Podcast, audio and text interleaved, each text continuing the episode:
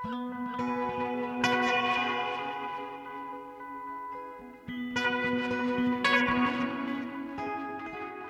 og sæl, kærlustendur, að finna listinni samastað, ást og upplýsingar, alþjóðlegi leiklistardagurinn og geimferð til Mars í viðsjá í dag. Destination Mars heitir engasýning listakonunar Söru Ríl sem opnaði í ásmundarsalum helgina. Þar veldir Sara fyrir sér ferðalögum mannsins út fyrir plánutinu jörð, blæti til þess að kannahið ókannaða og drauma okkar um að fara til Mars.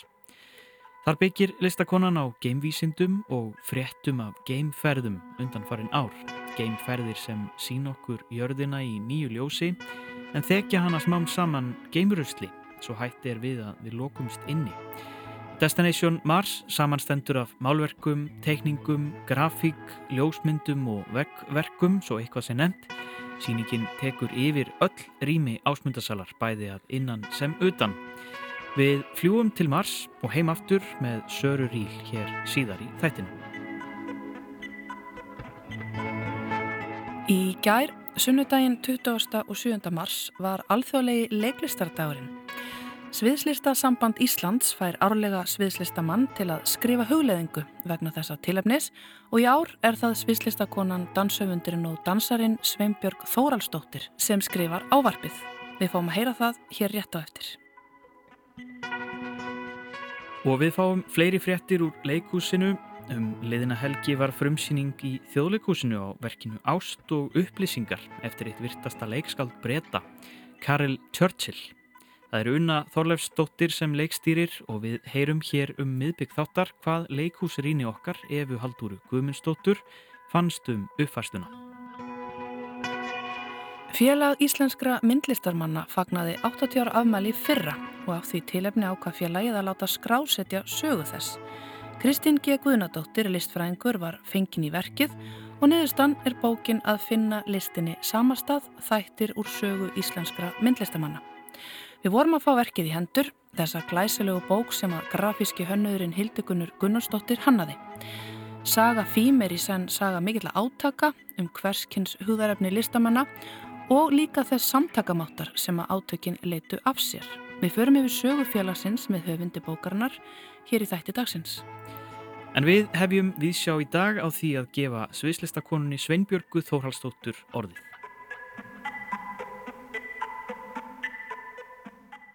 Lífið er núna, opnaðu skilningarvitin og fyndu sannleikan.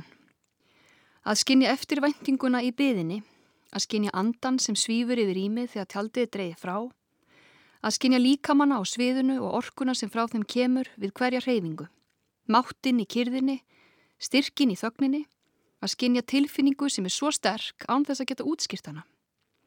Að skinja fegurðina og ljótleikan í gjörðunum sem endur spekla lífið og það samanlega í okkur öllum. Að skinja töfrana, að skinja óvissuna og hættuna og þann drivkraft sem henni fylgir. Að skinja tíman í rýmunu og upplifa hversu afstæður hann getur verið. Að skinja kraftin í núinu og frelsinu sem fylgir því að vera stattur á þessum stað, á þessari stundu, tengdur við sinn innri mann með aðteklina á sviðinu. Að skinja tenginguna við flytjendur því að fjórðivegurinn fellur.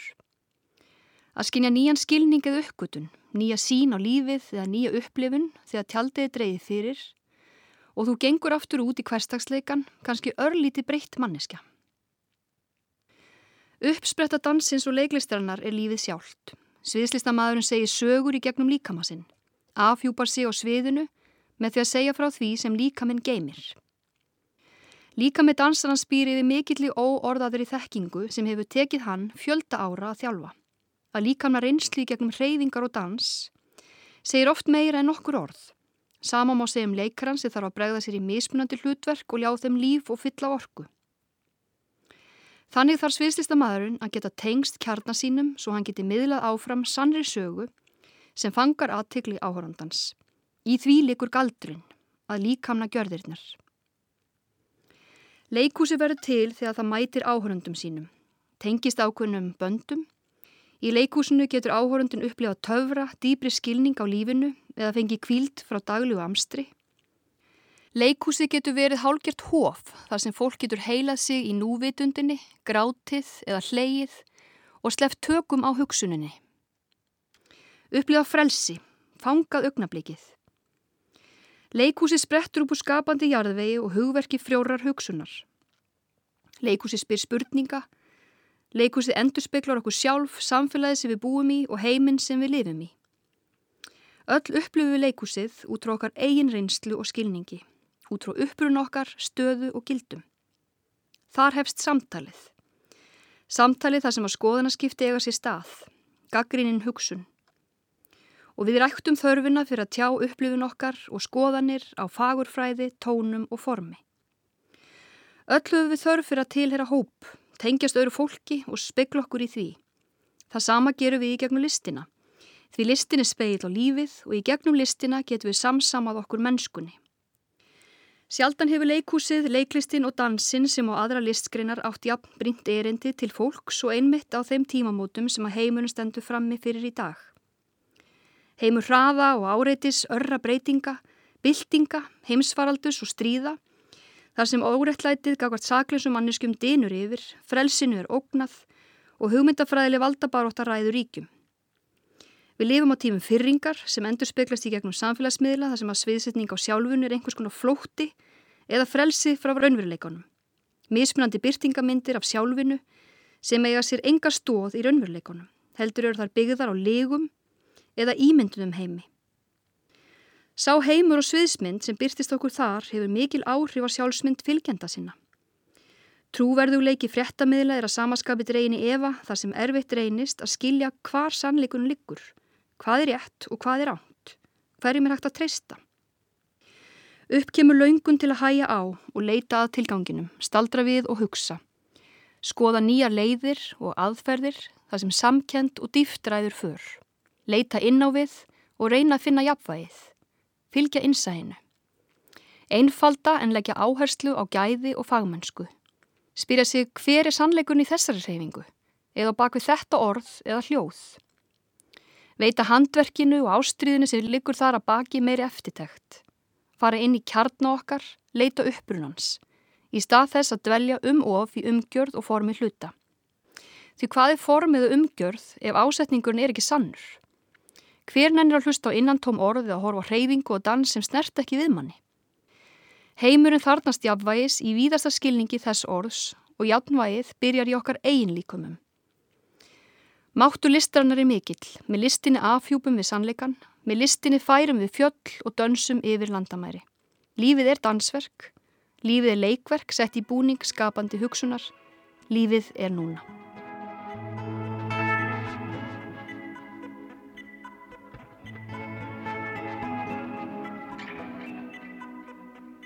Sveinbjörg Þórhalsdóttir flutti hér ávarp í tilefni alþjóðlega leiklistar dagsins sem var í gær. En þá að öðru. Að finna listinni samastað kallast ný bók sem að, já, er alveg splunkun í, bara ný komin úr prentun og við vorum að fá hana í hendur hér í Vísjá.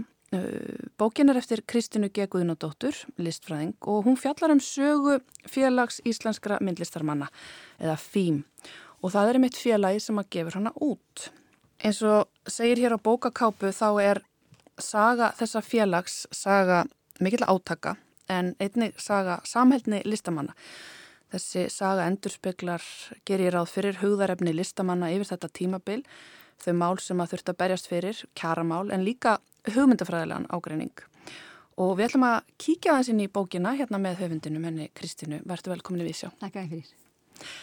Hvað hérna, þetta er auðvitað ótrúlega saga, mikil saga, spannar 80 ár, marg laga. Hvaða fókus ákast að taka? Já, það var svolítið höfverku, eins og segi, sagan er mjög laung og spannar 80 ár, mjög við þeim og það er aukið þá vandar svolítið heimildum Þannig var það að, að að eftir að félagi misti húsnæði sitt þá var það svolítið á rakólum og, og gögn glötuðust. Þannig að svona fyrsta vandamál var það að, að eiginlega bara geta styrkja samansöguna og finna hana heimildir. En það tókst nú nokkur með fyrir rest. Mm -hmm.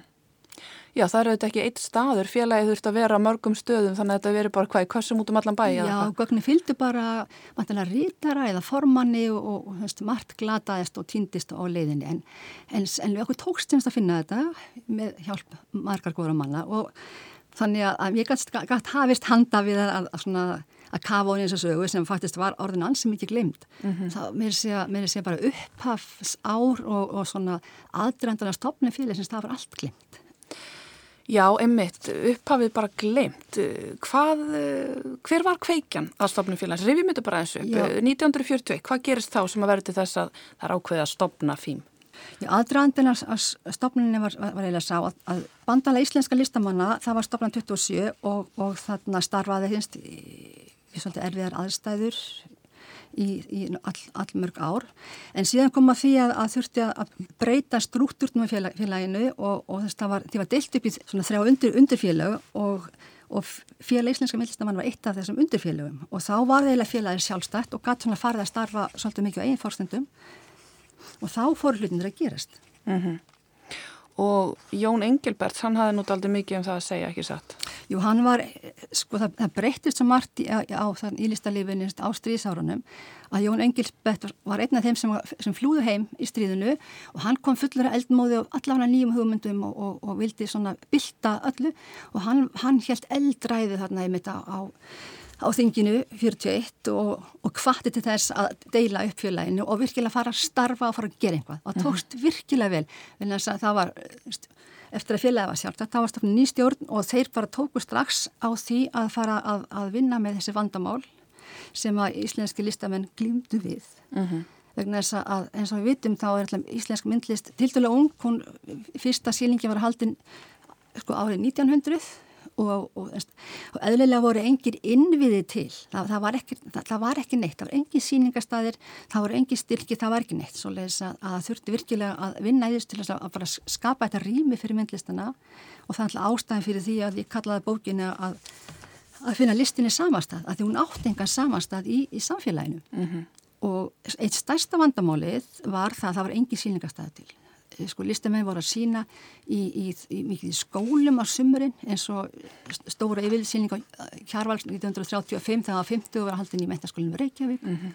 og Möggur og Kristín síndu til dæmis í 1914 í, í þarna miðbæðibarnaskólanum og svo var Gúttón út á líka og svona eiginlega var alltaf húsnæði sem gafst en það var engin síningastæður þannig að listamenn tók sér saman og með enga, enga peninga nánast og ákvaða byggja síningaskóla í Reykjavík. Mm -hmm að þeir til að svona fjármögnu þetta var, það var alltaf svo merkilegt að, að þeir kemur að fjármögnun sem er alltaf eitt orð, það er haptrætti og tombóla og það, það var safnað saman verkum frá hildi 17 listamönnum, viðlands Karval og Áskrim og fleiri og haldi haptrætti mm. og það seldist alveg gríðilega margir miðar og það, þar kom svona viss upphæð, svona grunn upphæð til þess að byrja byggja fyrir mm -hmm. Þannig að eitt af svona helstu hugðaröfnum listamann á þessum tíma var að fá stað til að sína. Það var eiginlega grundvaldaratriði mm -hmm. og þeim tókst sko með helgi og líka með því að, að, að veðursetja húsin sína sem mönni sem voru í stjórnani mm -hmm. að, að byggja listamannskólinn. Hann var heilið 300 fermetrar. Það verið gríðilega vengi breytingi listalífi þetta gott að listamann gengið að því að geta sínt verkin sín. Mm -hmm. Emmitt og þú skiptir emmitt bókinu upp þú, hún skiptist hérna að það er aðdraðandinn að stopna fín og svo talar um sögufélagsins og svo er alveg heilt kaplu um húsin sem hafa hýst þessar síningar. Norranna myndlistabandalagið sem var sem við kannski erum bara búin að gleyma í dag hversu stór þáttur var af uh, listalefinu hér? Ég held það vegna þess að Súsa hefur aldrei verið skrifið. Það komur eiginlega óvark að var stór þáttur vegna þess að, að þegar maður fyrir að hugsa um þetta eftir stríð að þá þurftu, það, var, það lokaðist á all samskipti í Norrlandan í stríðinu og eftirstýr þurftu virkilega að gera einhvað og það var svona mikil hreyfing í það átt svona að, að ebla Norrlands samstarf. Og þetta var eitt parturinn af því. Mm -hmm. og, og þarna gafst Íslandingunum gluggi til þess að komast út til að sína verkin sín annars er nú Íslandi. Og það var ekki hlaupið af því að þeim tíma. Fólk var ekki að fara út með síningar, það var ekkert mm -hmm. svo leið svo þess að síningar skipti gríðilega miklu máli. Mm -hmm. og urðu náttúrulega smá sem var mikið hitamál Þannig að, að allir vildi fá að vera með og allir vildi fá að fylgja síningunum út og setja þér upp. Þannig að þetta var svona, þetta var svona svolítið, ofta svona hittnaðar svolítið kólanum semst í, í félaginu þegar var verið undirbúið þessar síningar. Taland um hittamál, þetta er þessi saga þessar félags, þetta er þetta saga mikill að átaka. Gríðalega Já.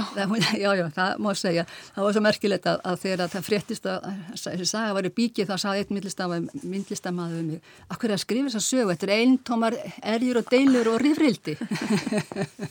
En ég komst nú á því að það hangið ímyndilegt annað á spýtunni en auðvitað voru deilur. Þetta var, þetta var sko menningar umhverfið þetta var svo, þetta var svo heitt, þetta var svo mikið þetta var svo pólitíst og þetta var svo mikið svona strátrúnaður í myndlistinni. Þetta voru þá oft kannski abstraktlistamenn á, á móti fíkuratíðlistamennunum og síðan, síðan komur summið og, og, og þessar nýju stefnur inn og það er náttúrulega lendur svolítið í, í klassi við, við þarna abstraktlistamennina. Þannig að þetta voru, auðvitað voru þetta deilur. Mm -hmm. allir, vildi, allir trúði á sitt og hefði svo óbyrjandi að trúða það sem það voru að gera að, að þeir, þeir bara voru svo fylgnir sér. Mm -hmm. Það voru ekkert gefið eftir. Einmitt, ótrúlega mikil hugmyndafræðilegur ágreiningur sem að rataði líka mikið í blöðin og það er virkilega gaman að fletta sér bók eins og því að við sett klippur úr blöðunum inn í, inn í bókina og kannski ástæða bara til að rósa hönnuðum bókarinnar hérna, þetta er alveg ótrúlega fallega gert. Takk Hildi Gunnur, þetta ásæðilega bókiður. Og hérna, hér sjáum við til dæmis í kaplan sem fjallar um hérna frægu listamannadeilu þegar Jónas frá Hriblu setti sér upp á móti nokkurum listamannum í samfélaginu og Og hér er bara fórsið tímans, uh, sunnudaginn 3. mæ 1942, þá er búið að slá upp hérna myndum að íslenskri nútíma list í gæsalöpum og þetta sýnir svo vel hvað, hvað þetta var mikið hitamál í samfélaginu. Akkurat, þetta er, mér hafði mikið búið að skrifa um Jónas og, og, og deiluna við myndlistamenn og það, það var tvær síningar haldnar hérna í, gefin, annars vegar myndlistum að þóknaðist yfirvöldum og hins vegar úrkynniða myndlistin, þetta var bara, já, ég vil ekki nefna henni nöfni, þetta var mjög sérstakt að, að stilla þessu svona upp og fyrir náttúrulega ekki góða jarfið, en, en svona átök urði bara til þess að þjappa myndlistamannum en þá betur saman, það var ekki spurning.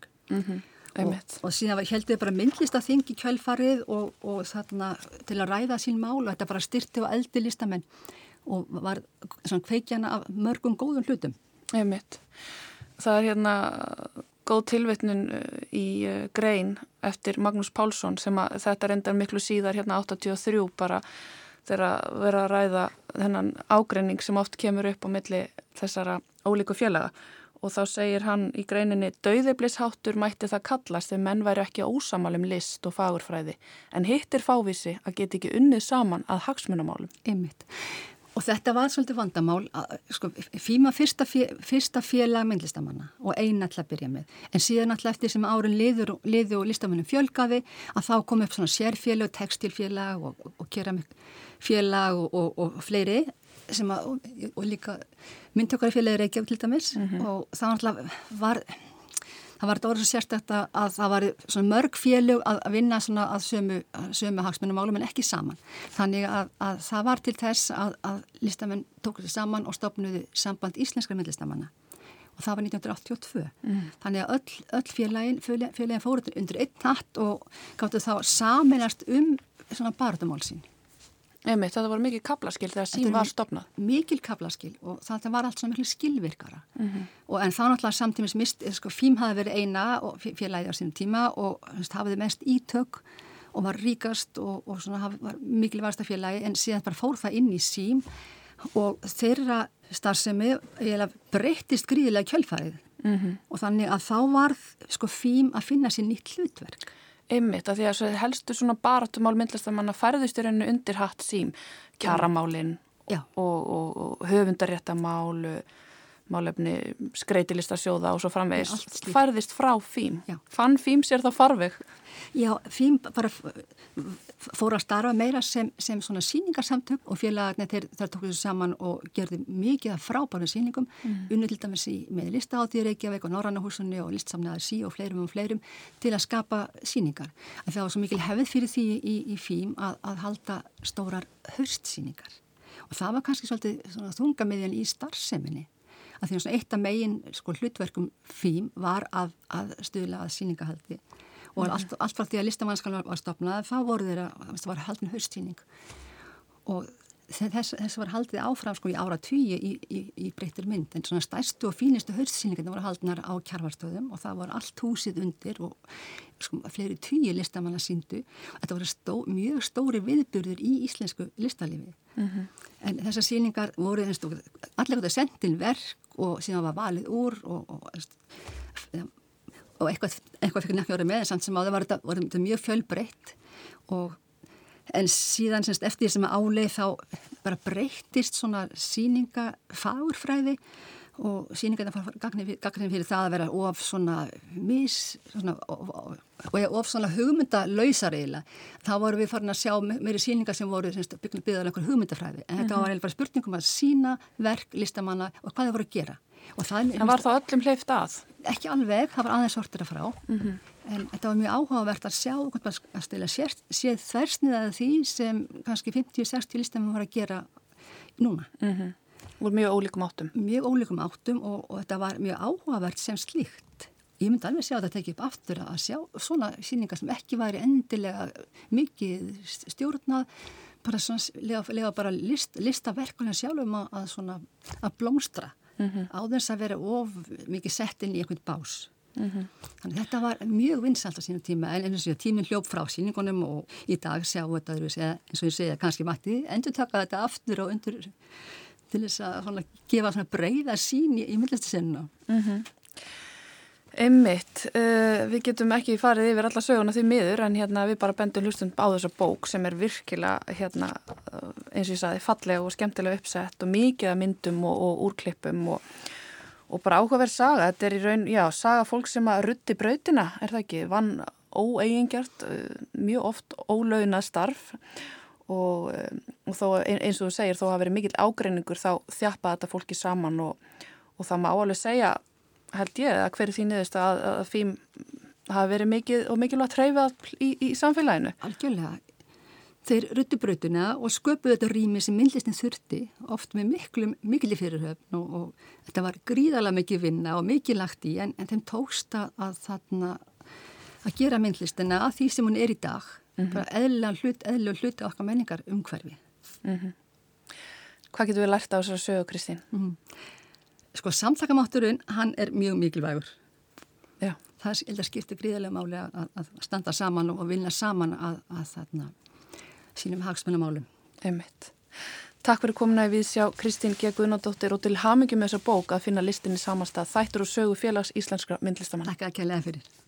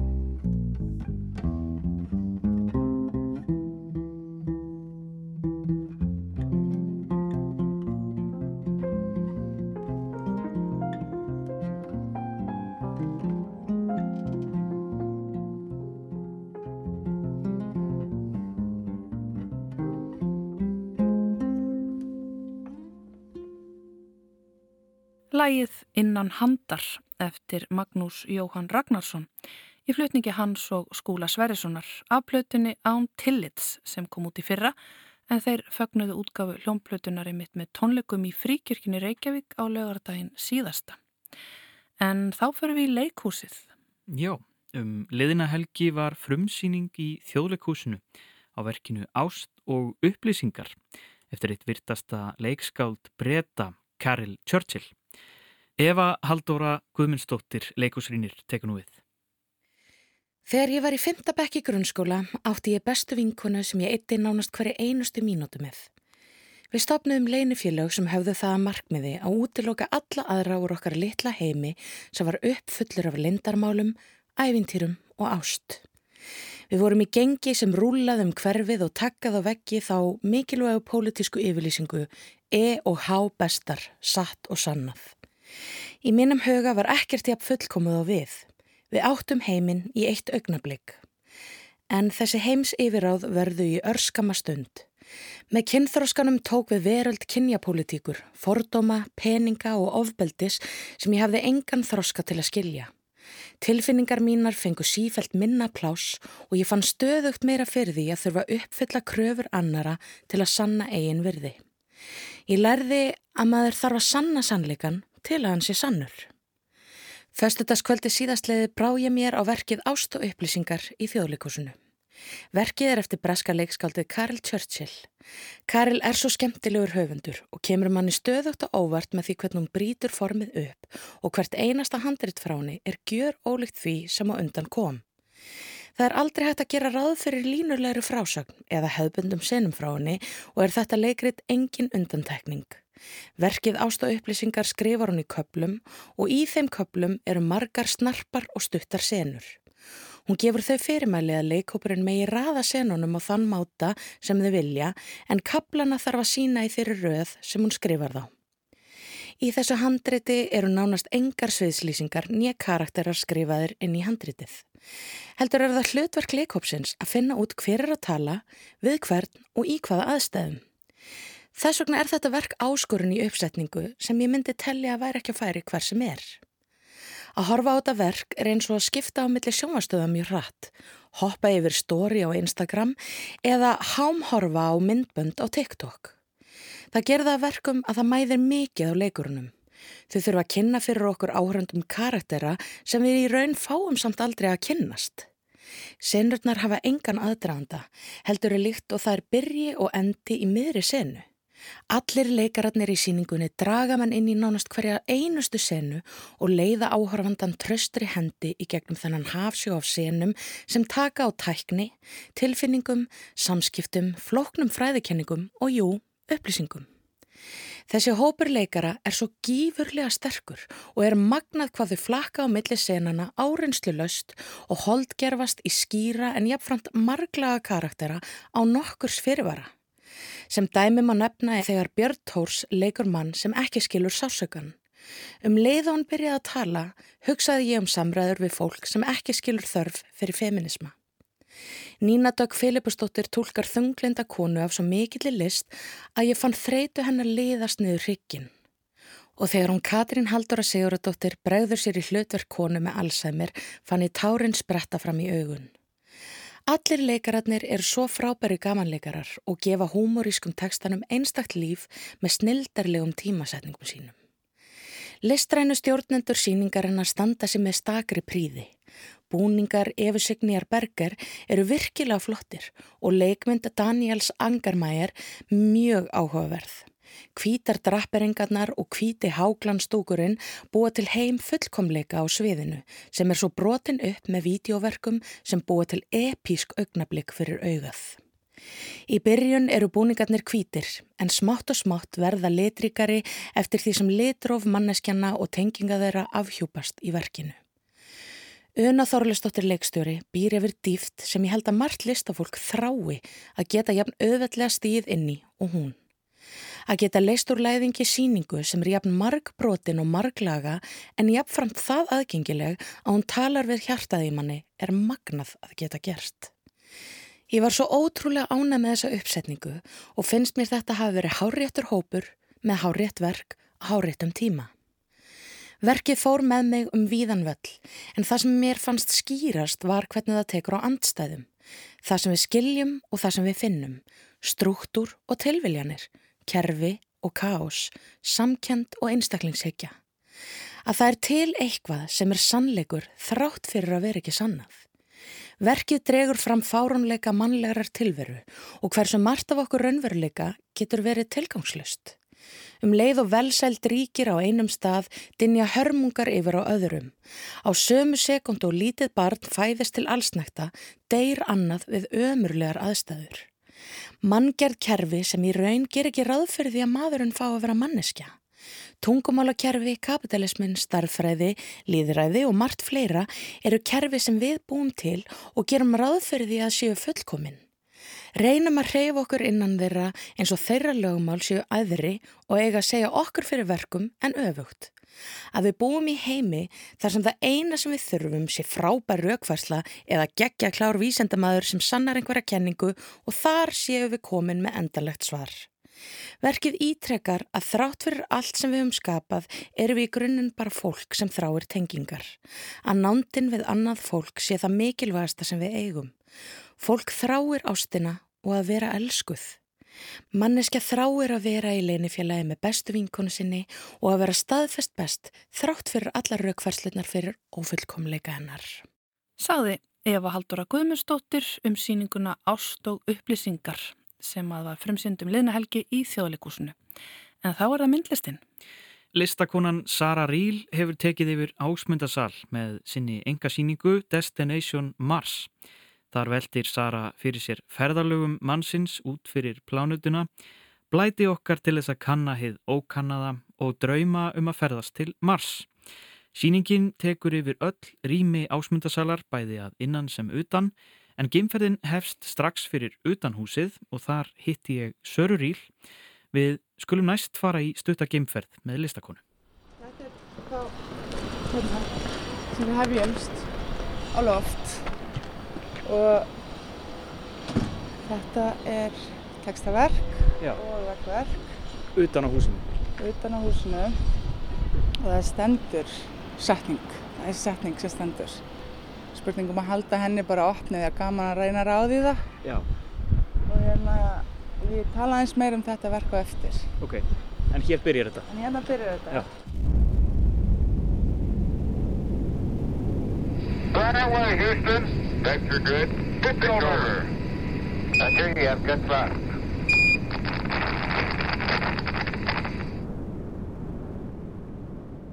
hér er við og við erum komin upp á pall þannig að við stigum inn í geim, geimflögina inn í geimflögina sem að er byggð á tinnaflöginni og er hann að vera að leika sér með rauðköplóta minstrið en minstrið er gert úr öllum eldflögur sem hafa verið skotið upp öllum delunum bara settir saman í eitt stóran þannig að glöggir ætti að geta fyndið Uppáhalds að ekki. Þessi mynd var líka sett upp sem veggverk í aðþenni í haust Já. sem var hluti af head-to-head síningunni. Og þetta er samansatt, þetta, er, þetta eru allar okkar tilraunir til að komast frá plánundinni. Já, þetta eru þær og í aðþenni var lift-off. Þannig að núna erum við bara með hana einn aftur Já. og við erum búin að fljúa upp og við horfum á sagt, skærustu stjörnuna, Sirius, sem er hluti af Canis Major eða hundastjörnir í svo. Akkurat. sem að er náttúrulega búið að vera í okkar vitund frá því bara alltaf. Hortu upp á hana og þegar hún rís þá eru hundadagar, þá uh, flætti Níl, þá er heitast í Greiklandi þannig að, og, í Dulsbyggi hefur hún komið mjög mikið fyrir. Alistair Crowley, sá frægi galdrakall, hann talar um að angelic language komi sem telepatía frá þessum stað. Þannig að ef hugmyndin um landkonniðin og tinna sem er blæti hjá okkur, við erum með blæti fyrir því að fara í æventuri og finna nýjar lendur. Og ef að það er fettisun okkar sem hefur kent okkur náttúrulega ímislegt eins og ef við tökum næstu mynd, þetta er mögulega svo mynd sem að mótaði mest heimsýnin okkar. Blá pláneta á svörstum himni er í, í sjónvarpsstærð, er í svo flatskjár og þannig að þarna sjáum við okkur uh, fyrst að utan. En ef þú horfir aðeins nær á þessa mynd, þá er þetta kannski ekki jörðin. Þetta er ekki ljósmynd af jörðinni, þó þetta sé prenta sem ljósmynd. Og við erum að leita að annari blári plánutu. Það er út af það gengur allt heila klappið.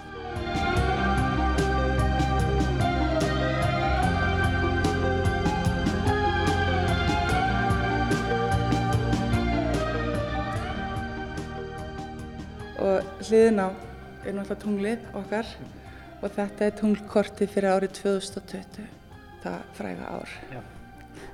Það er mísjafna ár. Það sem var svolítið eins og lengnótt. Já. Og hérna, og svo lendum við á Mars og þar er náttúrulega búið að vera rover sem heitir Curiosity mm. og hann er búinn að grafa þessa hólu, hann er að leita ekkur. Uppálega eins og mér skilst var spurningin ekki úr hverju er Mars heldur er líf á Mars, mm -hmm. eru gemverur á Mars, eða ekki? Yeah. Sem ég veist alls svo falli blöndun við vísindarskaldskapin, hvernig hann speiklar okkur alltaf okkar forvittni og dregur það ídróft á mörkin þar og fjársæðiskortið er náttúrulega kannski hluti af þessari mynd. Og þetta er allt byggt á ljósmyndum, þetta er drón, drónamynd sem er bara sendt niður frá Mars. Og þegar þú borar honi hana svona þá kemur grá mold upp, skilur þannig að grái hlutin er uppgröfturinn og teikningin er það sem bara mitt, svona stilbriði mm -hmm. sem að þróaðist svolítið á síðustu síningu uh, Automatic í Klingobang og svo erum við komin á Mars. Og þetta er það fyrsta myndin sem er svona panoramamynd skilur mm. þannig að eins og gerist í símanum okkar þá kemur svona svart uppi þá er hann að púslast saman. Akkurat, högtir smá. Já, högtir pink og smá glits og svo er þetta essentially í, í kjarnan eitthvað svona sjálfa af þessu vélmenni eða þessum rover að því að skuggin stóri er skuggin af rovernum og við erum hann, skil, þetta er okkar sín sínin inn á hvað er þetta, rauðhólar? Já.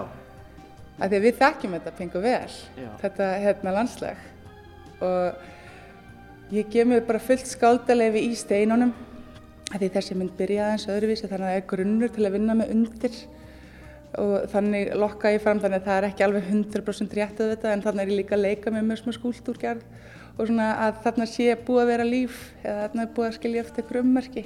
Þannig að þetta er svona útsýnismynd, svona landslagsmynd en hérna byggða á þá þessum, þessum, fyrsta, þessum fyrstu samskiptum sem við fengum við Perseverance eða þrautsegi.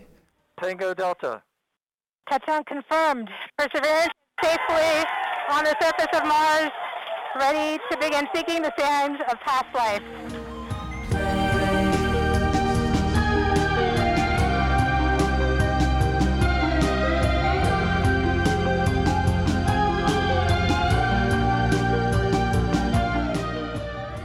Nefnum hvað að Curiosity er, er farin, Já. er hættur að virka og þetta eru síðustu skilaböðin sem við fengum frá Curiosity, eða forvitni. Já.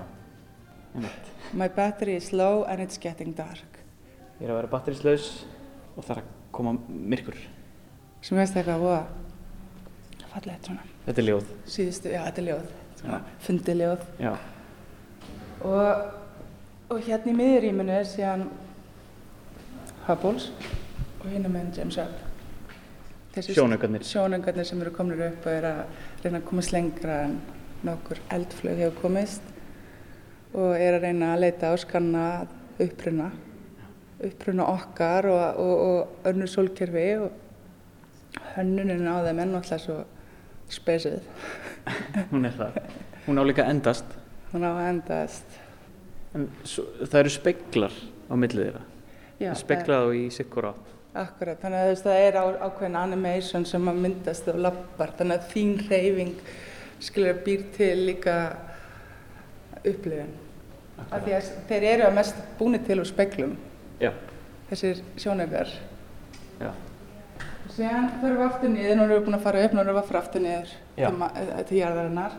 Og það er þetta verk sem heitir Fullt ungl og allir tengja við þá mystík, hvernig hún stjórnar tíðarhingnum og sjávarföllunum og mögulega hvernig við upplifum tíma. Og svo leppa maður áfram niður eða fer alveg hinn, hinn stiga niður.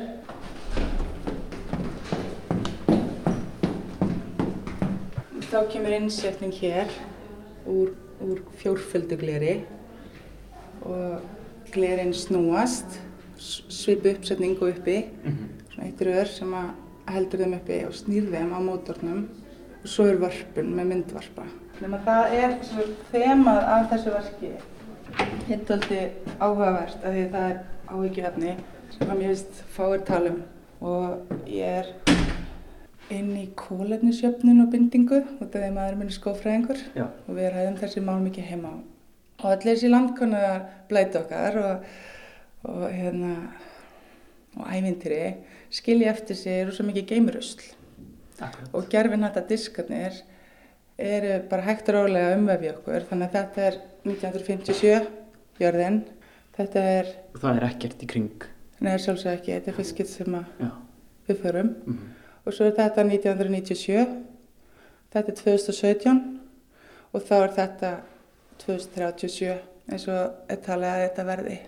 Og ég meina ekki ólíklegt að því að miljardamæringarnir sem eru búin að íta við þjóðunum verður að segjast í einhvers konar game kappleipi eru og internet geggjun eru búin að búa til alvöru nýjar sköllur sem að fara upp og lenda. Og ég meina, Elon Musk og SpaceX er að senda alla miðugudaga og núna er þetta ekki Ferrari sköllur, þetta er meira svona eins og Toyota Yaris sköllur. Þannig að það er miklu ódýrara. Enga aðilinn hefur miklu meiri sjans að því að eiga sinn eigin gerðunandadisk Mm. þannig að við vitum ekkert hvernig spálíkanni verður en þetta er döldu ótrúlegt að, hérna, að þetta sé svona. Og, og rússar eru búin að vera að hafa sér líka illa jafnvel fyrir Úkrænustríðið þá sprengti þessi sinn eigin gerfunatadisk uh, í tætlur sem að skapaði freka mikla hætti fyrir geimfarana í alþjóðu, alþjóða geimstöðinni. Já. og þeir fóru alltaf á 90 minna fresti gegnum svona þygt stjörnu svona geimruslar skí og, og að því að þetta eru svona brot og þetta er svona svo sandamyndun skilja alveg svo steinar hafa sig þannig að þeir, Já. þeir, þeir klessa hvern annan og minga og minga og minga þannig að ég er svona kannski að benda þetta og svona tilneying hjá mér að vera með eitthvað sem er disgusting and beautiful Mm. sem er, hefur þetta tók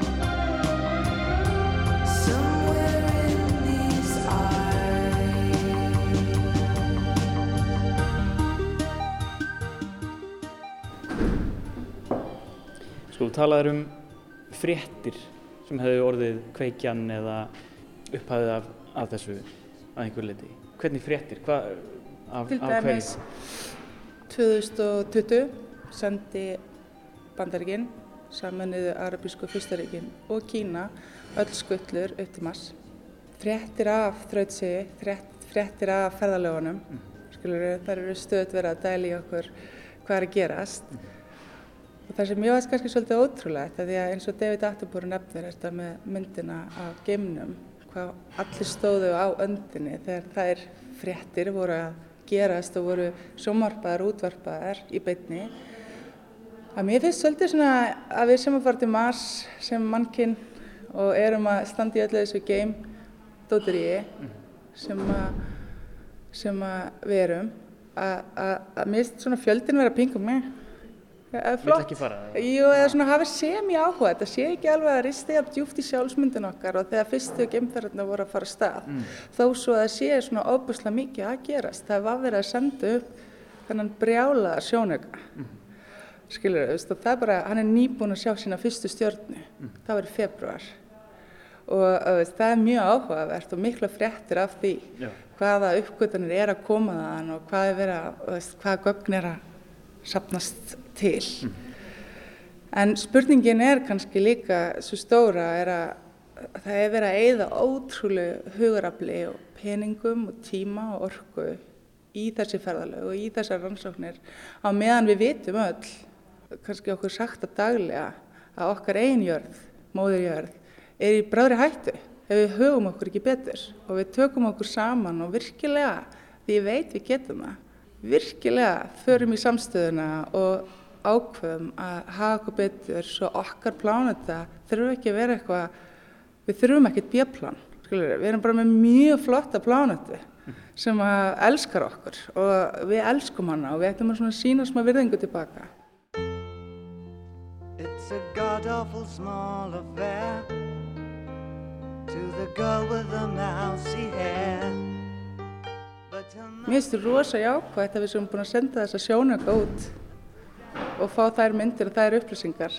Já. Mér finnst ekki jafn jákvægt að við þurfum að hlaða jörðina af internet, gerfinættadiskum eða fleiri njósnatækjum eða veist, allt þetta drast sem er að sapnast í kringum jörðina, í, græir í sem er undir nafninu þjóðaröryggi eða veist, eitthvað svona. Og ég muni þetta er ekki viltra vestrið, geimurinn. Geimurinn er, það eru ákveðni sáttmálar sem hafa verið gerðir og sumstaðar er það pink og blurry, óljóst, um til dæmis þá ber hver þjóð ábyrð að því geim, dóti, tækni sem það sendur út í geim og það þarf að skrásita það. Þegar það er ekki hlýtt skilur við, hvað gerur þið þá við eins og núna gerist með rúsana Vist, hver á að hrinsa upp það drastl mm. þeir. Og ætla þeir að gera það. Og hvernig fáum við þá til að gera það og kosta það mm -hmm. skilur við þannig að jú, við þurfum að velja hvernig við ætlum að senda tinna af stað í hérna en, en eitt geimferðalagi. Það því að eins og við vitið kannski þá er Destination Moon, það er tinnabókin fræga og Destination Mars er þá á framhaldið kannski. Sara Ríl, takk kærlega fyrir þessa geimferð og gangið er vel með síninguna hérna í Ásmundarsal. Já, takk fyrir og verið allir velkominir. Now the workers have struck for fame. Cause Lennon's on sale again. See the mice in their million hordes.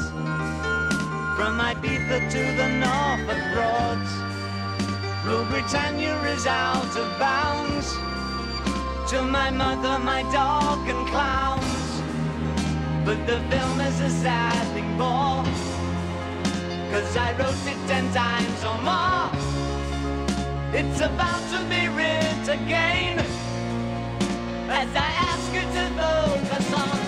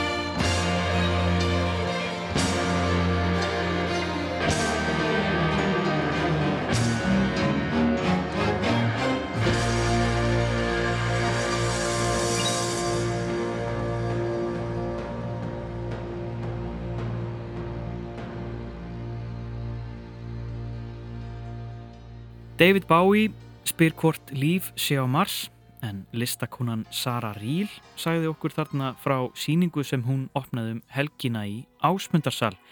Hún er líka með hugan við Mars og ferðarlegu okkar manna til plánutuna Rauðu.